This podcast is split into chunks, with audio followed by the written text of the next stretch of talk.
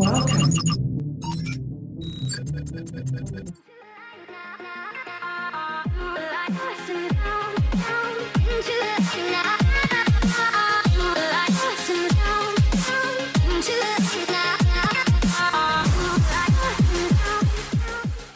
X Factor Podcast.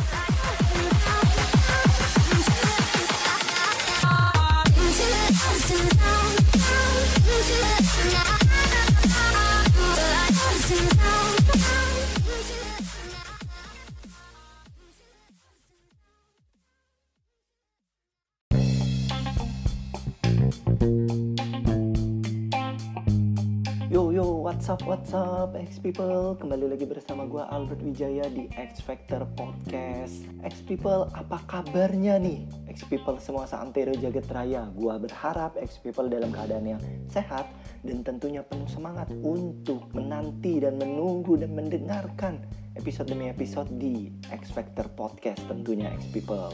X people kali ini di episode ketujuh, ups, episode ketujuh.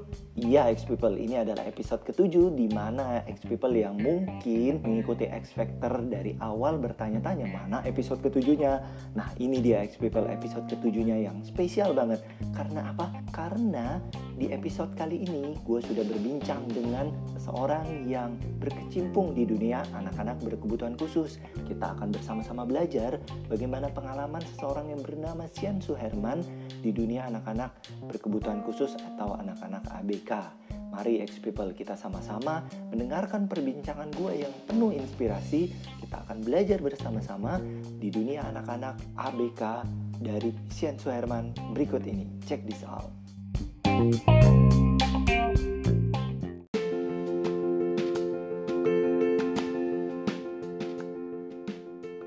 Halo, Ya, hai Misian. hai, Bat. Ya, X People semua mungkin bertanya siapa Misian kan? Misian ini adalah salah satu orang yang luar biasa banget X People.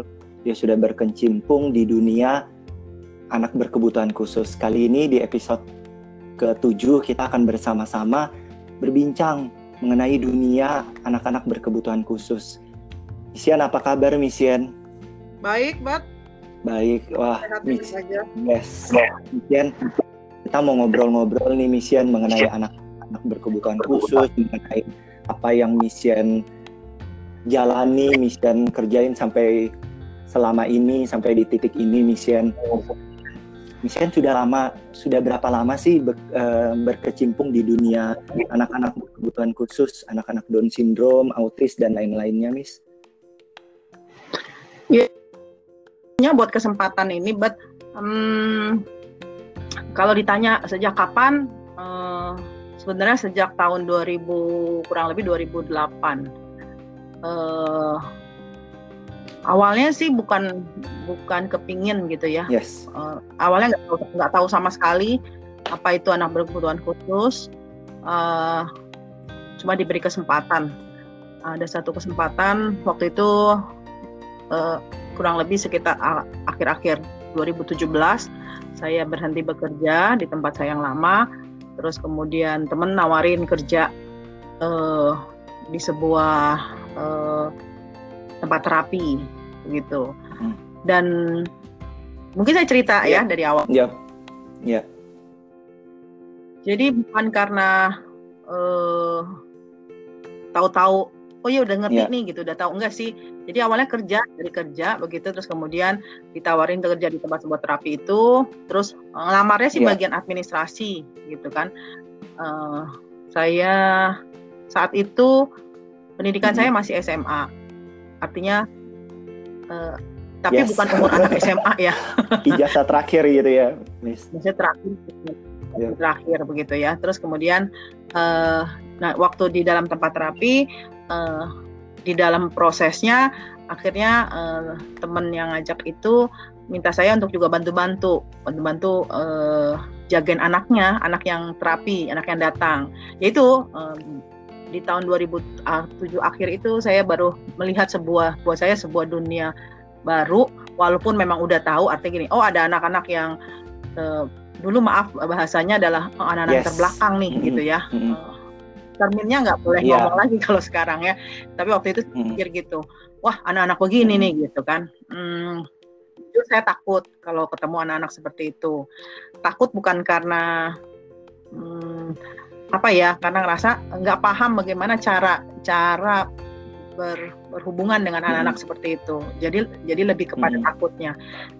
Ya pikirnya ya udahlah, gue cuma administrasi gitu kan, gue nggak pegang-pegang. Tapi pada dasarnya akhirnya pada akhirnya teman-teman yang eh, mengelola minta saya untuk bantu sekali waktu bantu jaga Mm. pegang gitu. Ya bodoh-bodoh juga gitu ya, maksudnya nggak paham gitu ya. Tapi eh, apa eh, dalam pergumulan terus pikir ah sebentar doang lah ini sebentar Mm. doang nggak lama Mm. lah megang gini nggak lama. Em, ada satu anak-anak eh Mm-mm. anak-anaknya memang Mm-mm. banyak unik-unik gitu artinya segala kekurangannya berbeda-beda. Betul ada anak-anak Down syndrome, ada anak-anak yang dalam kaitannya adalah eh, Autis, ya. autism misalnya gitu. Terus nah ada juga anak-anak yang saat itu sih anak-anak kebanyakan ada juga yang Iya. ADHD dan gitu ya, masih yang seperti itu. Eh, ada yang ada yang dalam tingkatannya kata orang eh, severe, Mm. severe itu parah, atau yang Iya. masih mild gitu ya, yang yang masih lebih ringan. Nah, nah satu ketika saya dapat anak yang eh, pokoknya kalau anak Iya. itu datang saya udah paling takut ya. Perempuan saya takut banget. Karena secara it- mental mentalnya disebut tingkatan mental retardasi. Mental retardasi adalah anak-anak yang di bawah IQ-nya di bawah rata-rata. Nah ini udah di bawah rata-rata banget gitu. Terus eh, selain itu punya gangguan yang lain gitu. Saya nggak paham waktu itu gangguannya Iya. apa Eh, umurnya sekitar anak perempuan 17 tahun. Eh, jadi terus teman saya minta saya pegang dia. Eh, aduh saya pikir cilaka ini yang Iya. gue hindari gitu kan. Tapi ini yang mesti gue pegang Mm-mm. begitu kan ya. Eh, pegang. Anak anak ini eh, kalau terapi datang eh, yang diterapi adalah mengenai hal-hal dasar jadi bagaimana meng- me- apa, membimbing dia untuk bisa melakukan hal yang paling dasar di dalam hidup manusia misalnya apa Eh, mandi Mm-mm. sendiri misalnya gitu Mm-mm. pokoknya yang basic Mm-mm. banget begitu ya maaf aja kadang Iya. buang air sendiri gitu ya karena sampai Mm-mm. 17 dia semua dilakukan Mm-mm. oleh orang tuanya anak ini nah kemudian eh, saya mesti ajarin saya Mm-mm. mesti dampingi bukan ajarin saya mesti dampingi karena waktu Mm-mm. itu misalnya eh, apa anak-anak yang Iya. datangnya lagi banyak gitu sedangkan waktu itu kami kami cuma bertiga Eh, dapat giliran deh nah waktu lihat anak itu eh, secara physically juga Iya. minta maaf eh, kurang pas misalnya gitu ya Eh, Mm-mm. mata cukup besar dan sebagainya dan eh, apa, air liur terus bisa Iya. ngalir dan Mm. sebagainya jujur aja nggak nggak nggak menyenangkan sebetulnya secara Mm-mm. itu sih nggak menyenangkan Eh, terus sangat lambat gitu secara secara itu juga lambat sekali nah suruh naik ke atas karena Mm-mm. tempatnya di atas itu mesti uh, one by one ngasih taunya step by step Uh, terus kemudian ada akhirnya ada dua kali gitu kan ketemu terus begitu ya udahlah polanya gitu tuh Uh, teman uh, rekan saya bilang Iya. ya begitu caranya gitu ya jadi one by one one by one jadi uh, satu-satu apa yang harus dikerjakan sama dia harus satu-satu kita uh, apa Iya. beritahukan gitu karena nggak kita Mm-mm. kasih tahu ya dia nggak bergerak Mm-mm. ayo naik Mm-mm. Jadi dia baru naik itu juga satu-satu gitu sampai di depan kamar mandi dan sebagainya nah mm, terapinya memang Mm-mm. harus bantu gitu ya jadi masuk kamar mandi dan seba- semua one by one step by step Eh, benar-benar kalau kata orang tuh langkahnya eh, step by stepnya bukan mm, buka pintu nanti Mm-mm. dikunci nanti digantung ah, nggak begitu jadi buka Mm-mm. baju buka baju setelah itu Mm-mm. dia diem lagi gitu Iya. Gantung baju Mm-mm. ya gantung Mm-mm. habis itu dia diem lagi gitu jadi Iya. eh, kayak gitu tuh Nah, gitu proses Iya. Lanjut, Isyan. di dalam ya di dalam eh, nah pada saat itu eh, saya nggak tahu kenapa eh, tiba-tiba ada sebuah kesadaran bahwa hmm, aduh kasihan banget gitu ya kasihan banget seorang seseorang gitu maksudnya Mm-mm. seorang manusia Iya. kayak begini nih hidupnya begitu terus saya mikirin nih kalau udah sampai dewasanya Mm-mm. gimana gitu bagaimana orang tuanya bagaimana saudaranya bagaimana mereka mendampinginya sampai seberapa lama ini anak bisa di di terus ditolong atau Mm-mm. didampingi orang tuanya. Masa umur manusia Yes. kan ada batasnya gitu kan. Dia mikir aduh kasihan banget ya gitu. Maksudnya eh, saya ngerasa eh, langsung saya bukan iba ya, tapi saya- menurut saya saya nggak iba. Tapi ada satu kesadaran bahwa anak Iya. ini perlu ditolong. Tapi kata tolongnya adalah bukan membantu terus apa yang harus Mm-mm. dia lakukan, tapi memberikan sebuah apa bahasanya, memberikan sebuah eh, pelatihan untuk dia Mm-mm. bisa survive basicnya Iya. hidup gitu, maksudnya survive di dalam eh, hal yang paling basic Mm-mm. aja gitu. Bagaimana dia bisa bisa Iya. mandi sendiri, bagaimana dia bisa eh, nanti bisa masak yang paling sederhana untuk dia Iya. makan dan sebagainya. Tiba-tiba kesadaran itu timbul di kamar mandi waktu waktu mau Mm-mm. ngajarin dia mandi.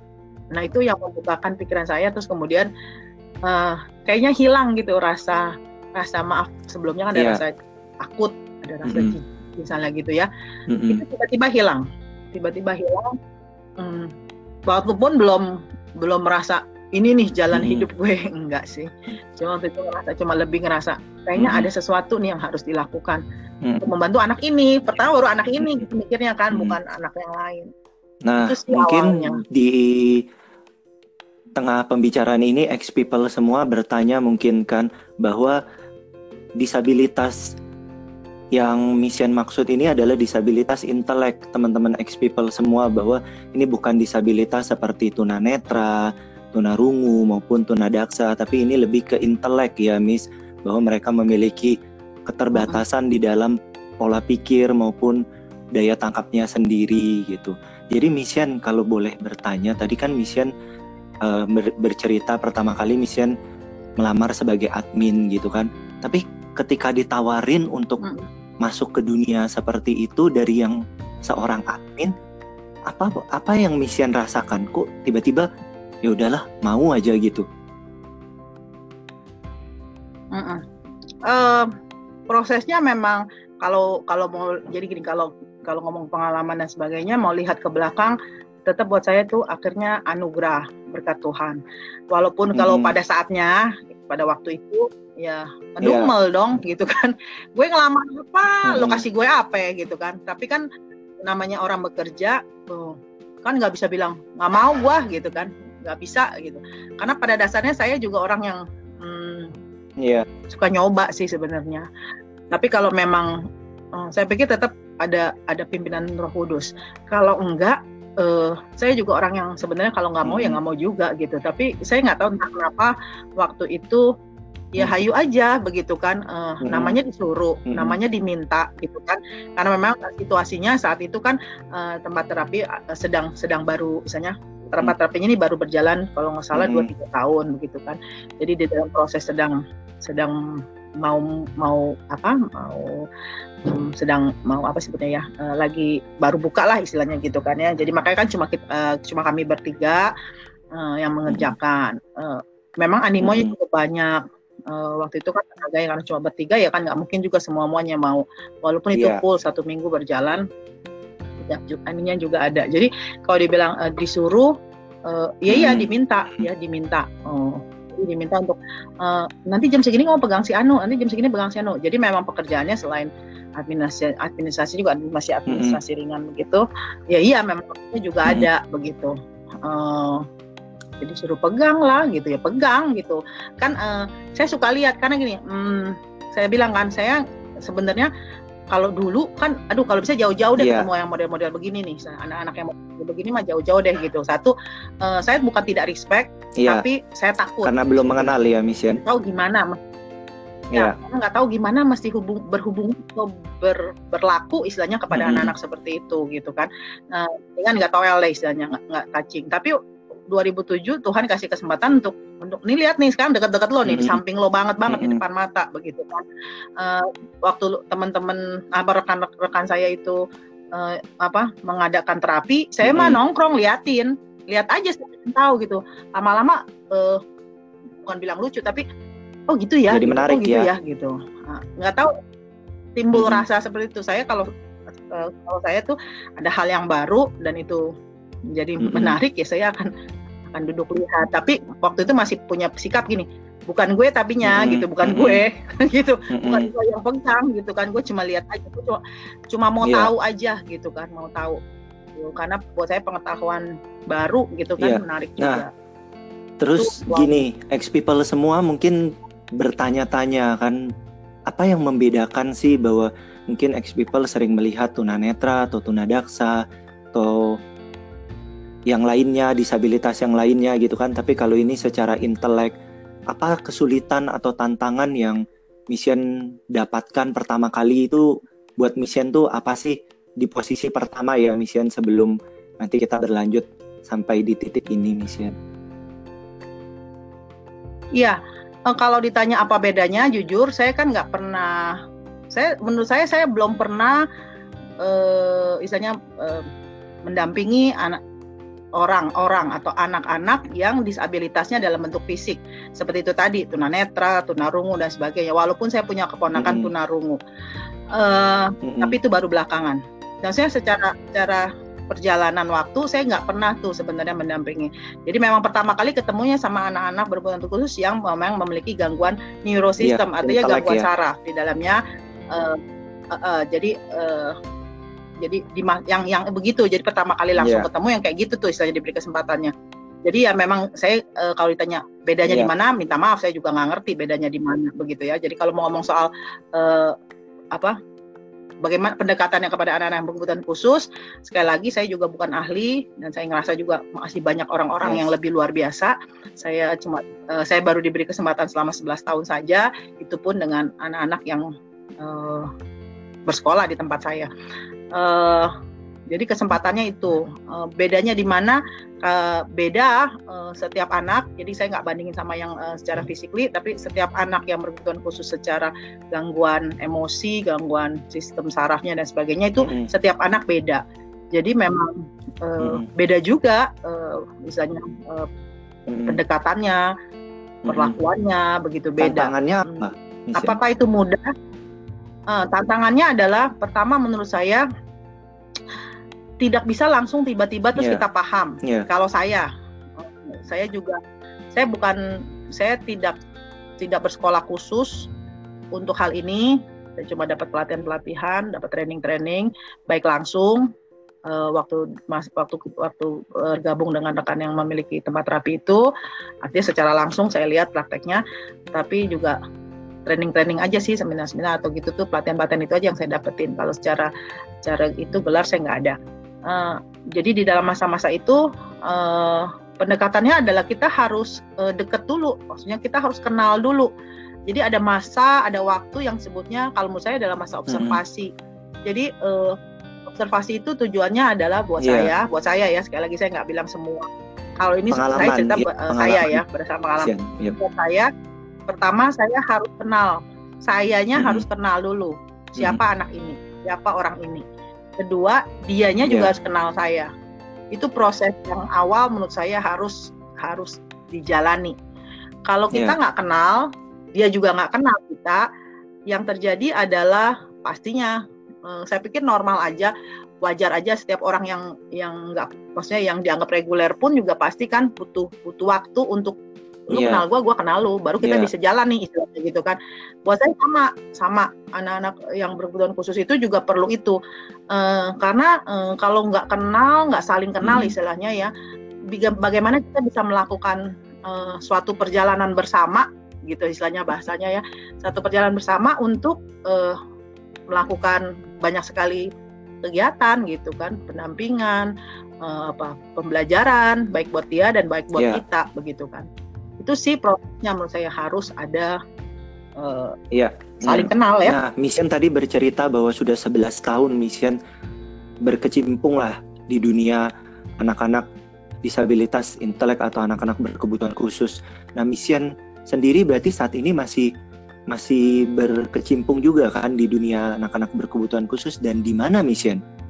masih masih saya masih saya eh, guru di sebuah learning center yang namanya Solavide eh, Homeschooling Mm-mm. Learning Center kita bilang homeschooling karena memang Hmm. bentuknya rumah uh, dan mm-hmm. ya seperti mm-hmm. rumah lah. Nah begitu. tantangan yang Mission hadapi pertama dengan sekarang berada di homeschooling Solavide Learning Center ini itu tantangannya beda atau jauh lebih lebih berat sih Mission ketika menghadapi anak-anak yang berkebutuhan khusus atau ketika Mission sudah memiliki pengalaman Mission sudah jauh lebih enjoy untuk menikmati perjalanan uh, mission bersama dengan anak-anak berkebutuhan khusus? Uh -uh. Hmm, pertama begini, saya pikir saya harus berterima kasih uh, Tuhan saya kasih saya kesempatan uh, istilahnya uh, belajar bekerja di tempat terapi pertama kali itu yang rekan saya punya ada sekitar 8 bulan lebih mm -hmm. saya belajar um, belajar pertama ya akhirnya belajar mengenal mm -hmm. dunia ini apalah punya hmm. anak kebutuhan khusus. Saya pikir eh, satu perjalanan yang bukan sebenarnya bukan karena bukan tiba-tiba menurut saya akhirnya setelah dievaluasi saya mengevaluasi diri uh, bukan jadi buat saya Tuhan yang memang kasih saya kesempatan untuk kenal dunia yeah. anak kebutuhan khusus uh, terus kemudian uh, di dalam prosesnya berjalan kesempatan-kesempatan yang ada adalah uh, setelah uh, itu uh, Tuhan izinkan saya waktu jadi jadi jadi waktu setelah selesai dari uh, apa tempat uh, terapi itu saya hmm. memang ambil kuliah. Nah waktu ambil kuliah rekan saya kemudian nawarin mau nggak jadi uh, yeah. kan nggak kerja tuh mesti cari kerja mesti cari uang saya. Hmm, teman saya nawarin hmm. untuk jadi shadow teacher. Shadow teacher anaknya ya anak yang terapi yeah. selama ini di sana. Jadi anak ini mau sekolah terus dia terapi. Dia gangguannya Asperger ya. Uh, Asperger syndrome. Jadi oh boleh juga nih saya bilang begitu ya terus kemudian setengah hari itu ya kemudian saya mendampingi anak itu nah hmm. itu prosesnya jadi um, anak itu masuk sekolah saya mendampingi sebagai posisi shadow teacher yeah. buat saya pengalaman baru gitu dunia guru itu juga bukan yang saya pikirin mm-hmm. uh, bukan juga cita-cita mm-hmm. saya jadi semua menurut saya kalau dulu bilangnya kebetulan kebetulan kebetulan saya pikir ini kebetulan yang diarahkan oleh Tuhan jadi uh, kok ya bisa begitu gitu ya terus kemudian uh, saya akhirnya diberi kesempatan untuk bisa kuliah. Uh, umur saya udah 38 hmm. tahun waktu itu. Uh, jadi akhirnya saya bisa kuliah juga. Nah, nggak tahu bagaimana kuliahnya juga ambil kuliah yeah. jurusan pendidikan, hmm. begitu. Nah, jadi kok begitu ya? Saya juga nggak ngerti kenapa kok begitu gitu ya. Uh, kalau dipikir semua uh, saya mah yeah. asal enak aja begitu ya waktu pilih sekolah kuliah juga pikirnya ah yang iya. paling murah yeah. aja begitu kan nggak duitnya nggak kerja kok gitu kan ya tapi ya Tuhan mudahkan dengan banyak hal orang-orang banyak support saya juga uh, ya iya pilihnya cuma itu nah masuknya ke pendidikan terus kemudian diberi kesempatan untuk menjadi shadow teacher buat saya itu juga uh, apa sebuah langkah uh, mm -hmm. awal ya kenapa di oh kok kenapa jadi shadow teacher kata shadow mm -hmm. dan teacher gitu padahal kan yeah. pengen jadi guru gitu gitu kan walaupun guru pendamping ya tetap iya. mendampingi gitu kan ya. Nah, yang didampingi juga anak kebutuhan khusus. Jadi itu jalan. Nah, itu terus kemudian jalan di dalam prosesnya terus kemudian hmm, rekan saya akhirnya uh, ngajak saya untuk rekan saya yang dulu masuk uh, di tempat terapi itu ngajak saya untuk gabung di sebuah mm -hmm. homeschooling ini mm -hmm. gitu yang sekarang ini ya gabung dia bilang mau enggak terus anak yang di shadowin juga mm -hmm. akhirnya pindah ke sana nah itu tahun 2008an mm -hmm. kalau nggak salah 2008 atau 2009 akhir saya lupa. Jadi uh, ya dari situ mm-hmm. mulainya, dari situ mulainya terus mm-hmm. gabung mm-hmm. ke sekolah ini mm-hmm. sampai sekarang. Apakah ada bedanya kalau secara pendekatan kepada anak ya pasti kan saya bilang mm-hmm. setiap anak berbeda.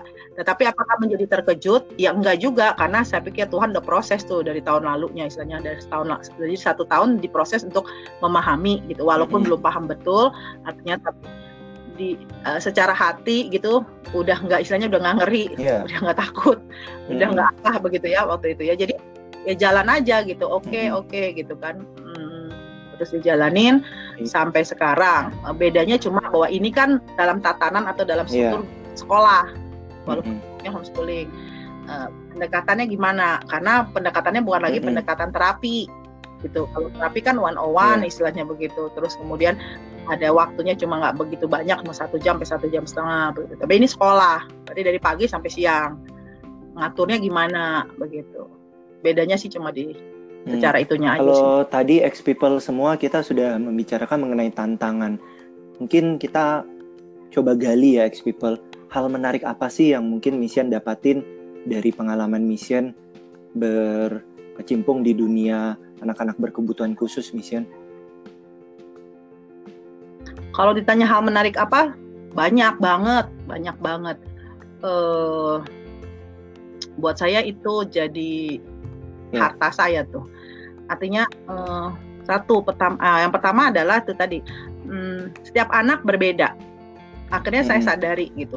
Dulunya pikir rata. Yang namanya anak Asperger hmm. begini nih gitu cara nanganinnya begini nih gitu yang namanya anak yang hmm. Down syndrome begini nih gitu pengetahuan sedikit-sedikit misalnya tentang apa Down syndrome nah terus kemudian cari tahu dan sebagainya pikirnya begitu pikirnya hmm. semua dipukul rata hmm. uh, cara cara mendampingi yeah. mereka nya tapi ya enggak gitu di dalam prosesnya uh, sampai hari ini pun tetap kalau ada yang datang misalnya ada yang misalnya mau minta masuk ke sekolah selalu ada evaluasi selalu ada wawancara selalu ada apa karena itu tadi proses yang paling awal buat saya pribadi adalah uh, selalu saya bilang kepada orang tua yang calon-calon orang tua yang ingin masukin saya bilang kita akan butuh observasi kurang lebih tiga bulan Kenapa begitu lama? Karena begitulah yang terjadi hmm. menurut saya. Karena proses anak khusus beda dengan anak-anak hmm. yang reguler.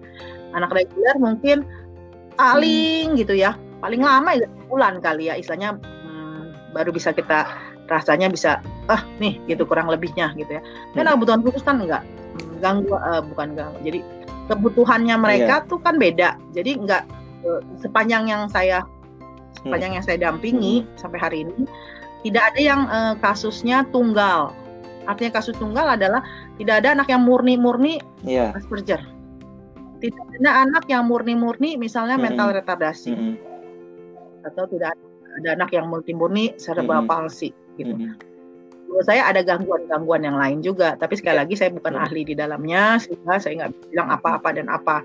Cuma berdasarkan pengalaman di lapangan mm -hmm. saja gitu. Jadi kalau saya bilang ini anak Asperger nih. Asperger kata orang ada yang high function, ada yang low function. Tapi saya pikir uh, di dalam perjalanan saya suka menemukan hal-hal yang menurut saya nggak ada gitunya tuh mm-hmm. gitu. Uh, uh, ada yang kita nggak kepikir kok bisa yeah. dia lakukan. Ada yang kita nggak pikir masa sih dia ngerti gitu. Tapi memang nanti di, di waktu-waktu tertentu itu akan bisa timbul gitu. Yang kita pikir udah lama banget gitu. Tapi itu terjadi. Nah buat saya itu tetap mm-hmm. anugerah mm-hmm. Tuhan. Jadi sekali lagi uh, buat saya semuanya baik-baik aja yeah. sih anak-anak itu gimana yeah. cara kita memandangnya nah, Mission mungkin boleh Mission diceritakan pengalaman Mission ada hal menarik apa nggak Mission yang Mission sepanjang perjalanan Mission Mission temukan di dalam anak-anak berkebutuhan khusus ini gitu yang Mission terbe terber ah, wah sampai grogi nih kan Mission ter bekas banget di dalam diri mission gitu? Um, jadi begini, mungkin nggak tahu sih, hmm. tahu kalau menurut saya ya, kalau kita um, udah pegang diberi kesempatan mendampingi yeah. anak-anak kebutuhan khusus, uh, buat hmm. saya mindsetnya uh, bukan nggak boleh ya, tapi kalau saya sih ngerasa mindsetnya adalah um, ini harus bisa yeah. nih, ini harus bisa yeah. nih, misal gitu kan. Uh, terus juga nggak berpikir uh, untuk uh, pakai deadline, istilahnya, mm. pakai deadline. Jadi nggak kalau saya nggak nggak begitu tuh, nggak mau lagi begitu. Itu berdasarkan perjalanan waktu ya. Saya juga yeah. kalau dulu kan gitu nih. Uh, coba uh, ini hmm. pisahin misalnya kalau dulu nih ini secara prakteknya. Yuk uh, ini ada kacang atau ada kancing yang merah taruh di yeah. sini misalnya gitu. Setnya kan adalah yeah. masa gini aja nggak bisa karena melihat hmm. misal posisi anak kondisi anak. Hmm. Tapi emang nggak bisa gitu. Hmm. nggak bisa. Nah kan biasanya uh, kita pikir kalau secara hitung-hitungan di kertas misalnya harusnya nih hmm. dalam satu bulan udah harusnya bisa. Ternyata nggak bisa hmm. gitu. Ternyata nggak bisa. Nah, waktu nggak bisa itu uh, biasanya uh, buat saya manusiawi kalau kita kesel, kalau kita jadi, aduh gregetan, kenapa nggak yeah. bisa-bisa nih anak begitu kan ya? Uh, apa? Nah itu yang bikin nanti kita nih kalau misalnya kita mendampingi anak, itu yang buat kita jadi putus asa, jadi kita kesel dan jadi yeah. jadi lelah sebetulnya. Nah, di dalam perjalanan waktu sampai hari ini akhirnya saya nemuin nggak yeah. bisa begitu gitu ternyata Jadi memang uh, time-nya adalah time si anak hmm. gitu. Uh, waktu si anak gitu. Nah, yang saya dapatkan adalah menjadi sebuah kegembiraan. Maka saya bilang sama teman-teman saya juga bahwa uh, yang harus dirubah adalah diri kita dulu waktu yeah. hadapin anak-anak kebutuhan khusus, bukan dia. Karena kan yeah. dia kan nggak bisa kita rubah dalam pengertian bahwa perubahan itu terjadi atas diri. Karena manusia itu menurut saya akhirnya setiap manusia ya, even mau yang khusus mau yang nggak khusus gitu ya, uh, Tuhan kasih hmm. kesempatan yang sama sebetulnya untuk dia berkembang, hmm. untuk dia bertumbuh tapi memang waktunya hmm. waktunya setiap kita gitu kan kayak gitu karena kita bisa buru-buruin yeah. sih kalau misalnya itu juga kan kadang-kadang kan kita yeah. buru-buru juga nggak sesuai dong jadi akhirnya saya dapetin hmm, ya kitanya yang mesti sabar gitu kitanya yang mesti sabar kitanya yang mesti lihat dan hasilnya apa gitu nah saya bilang hasilnya akan kita dapatkan nggak tahu kapan hmm, tetapi di dalam perjalanan hidup anak itu yang misalnya eh, di dalam perjalanan hmm. selama didampingi gitu ya semua anak menurut hmm. saya ada progres hmm. ke depan. Hmm. Gitu. Oh ada mundurnya, buat saya sih normal-normal aja akhirnya gitu ya. Walaupun uh, menjadi sebuah keadaan, aduh kenapa ya kok nih, nih bulan ini dia kelihatannya agak mundur nih ya gitu. Tapi kan ada progres tetap. Nah progres itu kecil apa pun buat saya adalah progres. Buat saya itu sebuah kegembiraan, uh, sebuah pencapaian gitu. Saya merasa wah, yeah. it works nih gitu hasil yeah. juga nih gitu kan walaupun kita di dalam perjalanannya waktu itu ngerasa yeah. aduh nggak maju-maju nih yeah. aduh gitu. Tapi kalau mm -hmm. mau dilihat lagi nah, mungkin ada buat saya ya nggak yes. tahu kalau orang mm -hmm. lain lihatnya orang lain nggak maju nih anak gua atau orang tuanya ngerasa kok begini mm -hmm. begini aja gitu ya yeah. ngomong deh saya kayak gitu. mm -hmm. nah Mission mungkin kan Mission cerita sudah 11 tahun gitu kan Mission pertama melihat bahwa hal ini di posisi Mission sebagai admin sudah tuh Mission diminta untuk mendampingi untuk di tempat terapi tadi sampai di titik ini. Pernah nggak Mission Mission terfikirkan bahwa wah kok aku bisa selama ini ya di dunia ABK seperti ini? Gitu kan? Atau Mission berpikir nggak dulu untuk mencoba? Kan kalau sekarang orang lebih banyak untuk marketing ya Mission jadi jadi sekretaris lah, jadi seorang admin, jadi modeling, penyanyi dan lain-lain. Nah, Mission pernah nggak terfikirkan bahwa Mission bisa bisa berada di dunia ini gitu? Mm -mm. Hmm, dari awal kan saya bilang nggak nggak ngimpi gitu. Kalau ngomong cita-cita, uh, saya sih sebenarnya orang yang nggak muluk-muluk nggak ngerti nggak tahu kenapa begitu juga. Memang kalau punya cita-cita punya. Saya kepingin ya kalau mau dulu pengen jadi sekretaris ya udahan. Saya belajar sekretaris saya sekolah sekretaris kok gitu. Saya bisa lari sini gitu. Ya terus uh, kemudian uh, pengen jadi psikolog gitu. Tapi waktu itu yang waktu uh, Tuhan kasih saya kesempatan untuk hmm. kuliah saya udah lihat yeah. psikolog mahal banget bisnisnya gede nggak ada duitnya udah hmm. saya nggak pilih gitu ya um, memang saya sebenarnya tertarik begitu tapi kemudian um, sekali lagi karena keadaan kondisi hmm. gitu secara ekonomi saya nggak hmm. bisa juga harus begitu istilahnya rakusnya gitu kan hmm. untuk ngototnya terus kemudian memang merasa dulu juga nggak pinter nggak bisa apa-apa juga begitu ya. Nah terus kemudian memang perlu bekerja memenuhi kebutuhan ekonomi terus kemudian hmm, jalanin uh, nggak tahu ini benar atau enggak saya selalu pikir gini hidup itu yes. let it flow aja. Nggak tahu itu itu pedoman atau apa nggak tahu namanya apa tapi mau saya uh, let it flow aja jalanin gitu. Kalau nggak ada begini ayo coba cari yeah. jalannya ke mana nih gitu. Biasanya dulu kalau dulu kan ya walaupun uh, nggak ini ya sampai hari ini juga sih cuma saya mikirnya kan hmm, gimana gue hidup gitu bodoh ya gitu kan terus udah jadi jalanin aja jadi waktu ketemu begini hmm. ketemu dikenalin terus kemudian mengenal dunia hmm. anak kebutuhan khusus, kemudian tertarik, terus kemudian uh, jalannya kok diajak hmm. lagi. Uh, untuk join di sekolah gitu kan, terus kemudian masih dengan anak kebutuhan khusus. Eh, nggak uh, tahu bagaimana ya, ya senang aja saya. Akhirnya saya sudah gini saya saya sebenarnya bekerja sejak saya selesai mm -hmm. SMA saya langsung kerja mm -hmm. umur 17 mm -hmm. tahun saya udah kerja jadi sepanjang itu sampai umur 38 terus kebutuhan beri saya kesempatan sekolah itu saya udah kerja di mana-mana gitu. di berbagai macam tempat pekerjaan uh, tapi waktu masuk ke nyemplung istilahnya di dunia ini terus kemudian sekolah uh, saya saya cuma bilang gitu saya suka ngomong sama teman-teman saya enakan sekarang nih gue kerja begini. Mm -hmm. walaupun mungkin secara finansial yeah. nggak gede banget gitu kan secara finansial bener masih ngais-ngais gitu ya. Tapi hmm, saya nggak stres gitu maksudnya eh, nggak uh, stres ya kalau kerja di kantoran kok saya stres begitu ya bawaannya ya. Uh, saya bilang gue pulang sekarang nggak nggak mikirin kerjaan udah selesai selesai. Mm-hmm. Uh, sampai rumah ya saya bisa melakukan hal yang lain nah mm-hmm. ya mungkin itu gitu yang membuat saya uh, terus terus ada ya karena itu satu ya apakah saya cinta anak kebutuhan khusus mm. uh, iya apakah saya yeah. ini satu yeah. sisi ya saya senang model kerja begini yeah. bikin saya stres karena gini anak anak-anak yang kita dampingi itu uh, punya keunikannya sendiri ya. Itu maksud saya.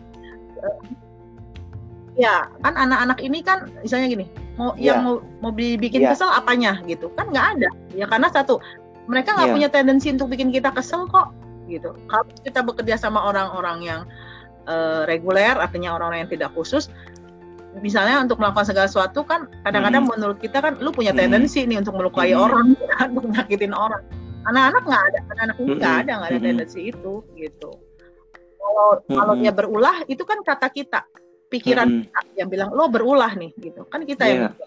memang dia yeah. mikir dia berulah dia nggak mikir oh ya juga yeah. sedang menata nah, dirinya begitu kan kita kan berada di program X Factor podcast nah faktor X apa yang membuat hmm. Mission bisa sampai di titik ini sebelum kita mengakhiri podcast ini Mission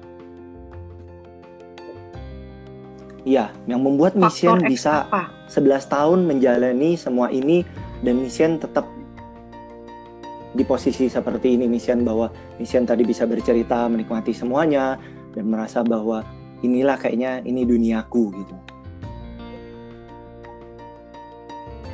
Um, saya kalau ditanya begitu saya juga nggak ngerti. Tapi menurut saya gini, um, tetap menurut saya uh, itu anugerah Tuhan. Kalau ngomong hmm, faktanya, istilahnya kalau ngomong uh, di dalam menjalaninya yeah. itu semua up and down, hmm. nggak mudah gitu kan ya.